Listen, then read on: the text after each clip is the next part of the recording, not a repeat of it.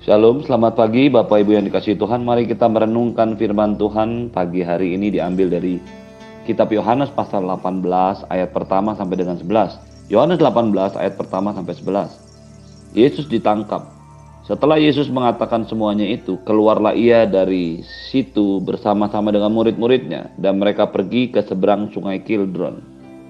Di situ ada satu taman dan ia masuk ke taman itu bersama-sama dengan murid-muridnya.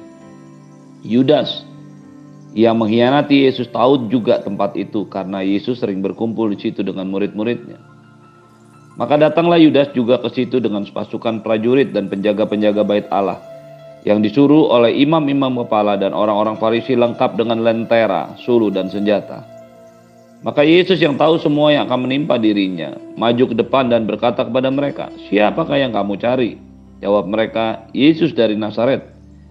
Katanya kepada mereka, "Akulah dia."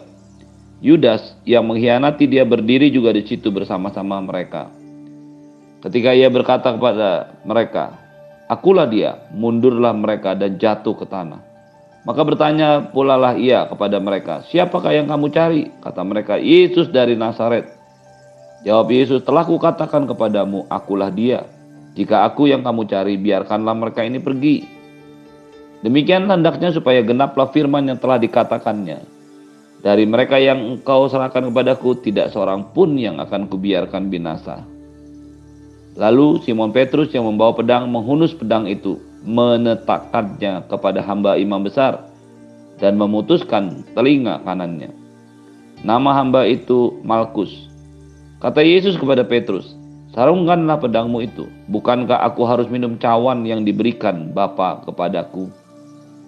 Bapak Ibu yang dikasih Tuhan, setelah Tuhan Yesus berbicara kepada murid-muridnya, mengajar mereka dengan lengkap, menunjukkan kepada mereka bagaimana seorang hamba melayani orang lain, dicontohkan melalui peristiwa pembasuhan kaki. Yesus makan perjamuan roti dengan murid-muridnya yang terakhir Lalu Alkitab mencatat satu hal yang sangat luar biasa pagi hari ini. Dalam ayat yang pertama dikatakan setelah Yesus mengatakan semuanya itu, keluarlah dari situ bersama-sama dengan murid-muridnya dan mereka pergi ke seberang sungai Kidron. Terjemahan yang lebih baik mengatakan setelah selesai Yesus mengatakan semuanya itu, keluarlah ia bersama-sama dengan murid-muridnya. Kalimat ini begitu luar biasa untuk direnungkan setelah Tuhan Yesus selesai dengan semua tugasnya, selesai dengan semua pengajarannya, selesai dengan semua persiapannya, memperlengkapi murid-muridnya, ia lalu menyelesaikan lagi satu pekerjaan yang harus diselesaikannya, yaitu diserahkan dan mati di atas kayu salib. Bapak Ibu yang dikasih Tuhan, pagi hari ini kita belajar dari satu teladan hidup dari Tuhan kita, Tuhan Yesus dalam kehidupannya sebagai manusia dia menyelesaikan semua pekerjaannya satu demi satu. Pengajarannya dia selesaikan. Contoh dan teladan hidupnya dia selesaikan. Tugas utamanya juga dia selesaikan. Ini menjadi satu perenungan yang pertama pagi hari ini buat kita. Bagaimanakah dengan semua tugas yang Tuhan berikan kepada Anda dan saya hari ini? Apakah semua yang Tuhan sudah pernah sampaikan kepada Anda untuk Anda dan saya kerjakan, untuk kita kerjakan, juga akan diselesaikan? Pastikan engkau dan saya terus berada dalam jalan-jalannya Tuhan. Pastikan engkau dan saya selalu berada dalam pekerjaannya Tuhan. Pastikan engkau dan saya ada dalam satu persekutuan pribadi yang intim dengan Tuhan. Sehingga satu demi satu tugas yang Tuhan percayakan kepada kita, kepada Anda dan saya untuk dikerjakan selama kita hidup di dunia ini. Itulah yang harus kita selesaikan. Minta kemurahan Tuhan supaya sebelum Tuhan memanggil kita atau sebelum Yesus datang kembali untuk menjemput umatnya, gerejanya, semua tugas, semua pekerjaan yang Tuhan berikan kepada Anda dan saya, kepada kita semua, dapat kita selesaikan dengan baik. Yesus mengajak murid-muridnya untuk menyeberangi sungai Kidron. Tentu saja mereka harus keluar lebih dahulu dari kota Yerusalem. Sungai Kidron adalah batas daerah Yerusalem, kota tua masa kini, dan Bukit Jaitun. Di atas Bukit Jaitun ada sebuah taman yang bernama Taman Getsemane, taman tempat pemerasan pohon ara. Ada banyak pohon ara di sana. Dan di situ biasanya orang memeras pohon ara untuk menghasilkan minyak. Ke situlah Tuhan Yesus membawa murid-muridnya pergi. Yudas yang mengkhianati Yesus tahu juga tempat itu karena Yesus sering berkumpul di situ dengan murid-murid. Datanglah Yudas dengan sepasukan masukan prajurit penjaga bait Allah. Yesus yang tahu semua yang akan menimpa dirinya maju dan berkata kepada mereka, "Siapakah yang kamu cari?" Ketika Tuhan Yesus menunjukkan sikap ini, kita dapati satu kebenaran yang sangat luar biasa. Kalau ada yang berkata bahwa dengan setengah hati Yesus mau naik ke kayu salib, maka dia harus kembali merenungkan kata-kata ini. Yesus tidak pernah bisa ditangkap seperti yang sudah-sudah. Yesus tidak pernah bisa dibunuh seperti yang sudah-sudah. Tetapi dia bukan ditangkap, tapi dia menyerahkan dirinya untuk ditangkap. Dia menemui pasukan prajurit penjaga bait Allah yang disuruh oleh imam kepala dan orang Farisi yang datang dengan senjata lengkap. Yesus yang tahu semua yang akan menimpa dirinya. Yesus yang tahu bahwa semuanya adalah rencana Allah. Yesus yang tahu bahwa semuanya itu memang sesuatu yang harus dia kerjakan. Hal ini merupakan bantahan yang pasti dari pemikiran cerita-cerita bohong yang dikatakan oleh banyak orang bahwa bukan Yesus yang disalib, tapi orang lain atau muridnya atau bahkan ada yang mengatakan Yudas Iskariot. Yesuslah yang disalib. Dia tahu semua yang akan menimpa dirinya. Dia tahu naik ke atas kayu salib merupakan pekerjaan, tugas yang harus dilakukannya. Itu sebabnya dia menjadi manusia. Untuk apa dia menjadi manusia kalau dia tidak mati di atas kayu salib? Itu sebabnya dengan gagah berani, dengan ketegasan hati, dia mendatangi mereka dan bertanya, "Siapakah yang kamu cari?" Yesus dari Nazaret, kata para pengawal dan prajurit imam-imam kepala. Yesus menjawab mereka, "Akulah dia." Ketika ia berkata, "Akulah dia," mundurlah para prajurit itu dan jatuh ke tanah. Terjemahan yang lebih baik mengatakan, mereka mundur dan rebah. Kehadiran Tuhan, hadirat Yesus yang sangat luar biasa, melebihi semua batas kekuatan manusia ini merupakan satu contoh bagaimana hadirat Tuhan dalam hal ini diwakili oleh Yesus yang adalah juga Tuhan.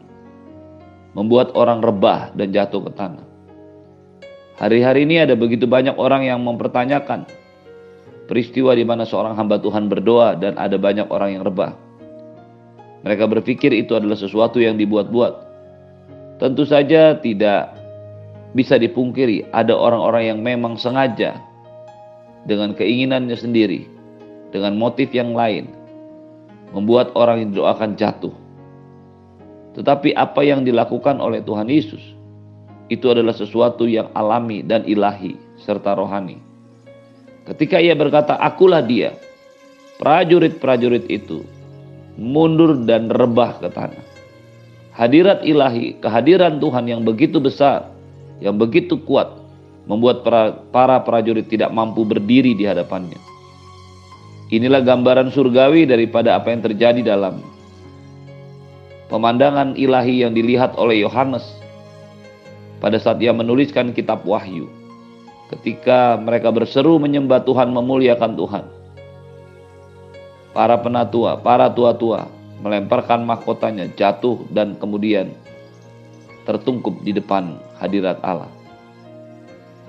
Peristiwa ini membuktikan bahwa hadirat Allah berkuasa melebihi kekuatan manusia.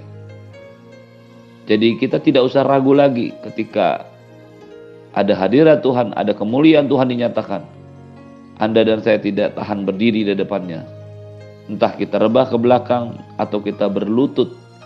Semuanya karena kehadiran Tuhan. Semuanya karena kemuliaan hadiratnya yang begitu besar. Maka ia bertanya pula kepada mereka, siapakah yang kamu cari? Kata mereka, Yesus dari Nazaret. Telah kukatakan kepadamu, akulah dia.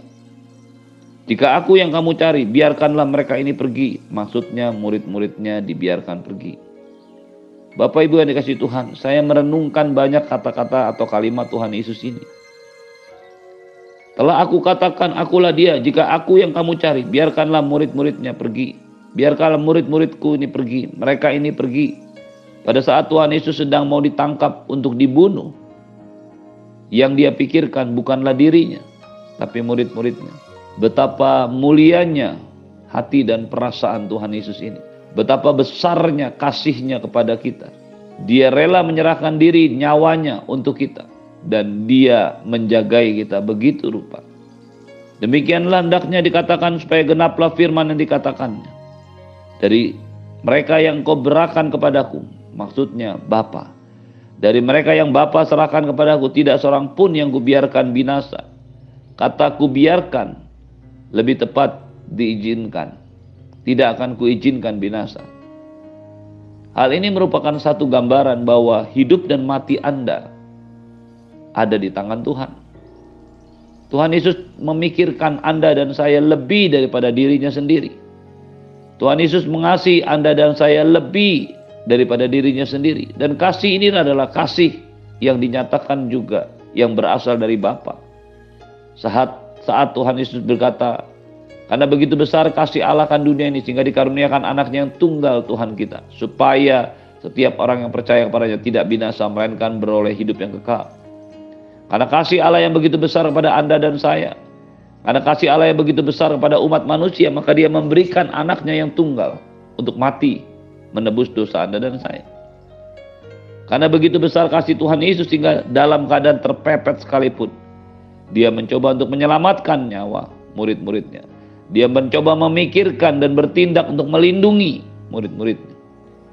Lalu dengan tegas firman Tuhan berkata, dari semua yang Bapa berikan kepada Yesus tidak ada seorang pun yang dibiarkan yang diizinkan Tuhan binasa. Bapak Ibu Saudara yang dikasih Tuhan, percayalah tidak ada satupun kematian yang bisa menghampirimu kalau sesuatu itu tidak diizinkan oleh Tuhan. Tuhan yang memegang tahun-tahun kehidupanmu. Apa pun masalahnya, apa pun yang terjadi dalam hidup ini. Kalau Tuhan tidak izinkan itu terjadi pada diri kita, maka itu tidak akan pernah menyentuh kita. Lalu Simon Petrus yang membawa pedang, menghunus pedang itu, menetakkannya kepada hamba imam besar, dan memutuskan telinga kanannya. Nama hamba itu ialah Malkus. Simon Petrus yang melihat bahaya yang ditimbulkan oleh kehadiran para prajurit imam-imam kepala memutuskan untuk mengambil pedangnya, menghunus pedangnya, lalu menetakkan kepada telinga Malkus hamba imam besar sehingga hamba atau telinganya putus. Petrus merasa bahwa dia mencoba untuk membela Yesus. Petrus merasa dia bisa menjaga Yesus sikap Petrus tentu saja bisa dimengerti. Hal ini menunjukkan kesetiaannya kepada Tuhan. Hal ini menunjukkan keberaniannya untuk bertindak walaupun dia tahu dia pasti akan mati jika berhadapan dengan para prajurit yang datang dengan senjata, lentera dan suluh.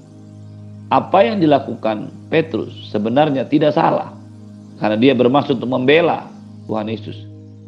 Tapi persoalannya saat itu bukanlah tidak salah, tetapi tidak benar. Kata Yesus kepada Petrus, sarungkanlah pedangmu. Bukankah aku harus minum cawan yang diberikan Bapa kepada Yesus mengatakan kepada mereka, kepada Petrus, semuanya ini terjadi karena aku harus meminum cawan yang Bapa minta aku minum. Dengan demikian jelas dan tegas bagi kita, Yesus naik ke kayu salib dan hanya dia yang naik ke kayu salib. Tidak mungkin digantikan oleh orang lain. Karena begitu besar kasihnya kepada kita. Catatan kecil yang lain di sini tentang Malkus. Namanya disebutkan oleh keempat Injil. Tetapi hanya Yohanes yang menuliskan namanya. Dan setelah itu namanya tidak ada lagi.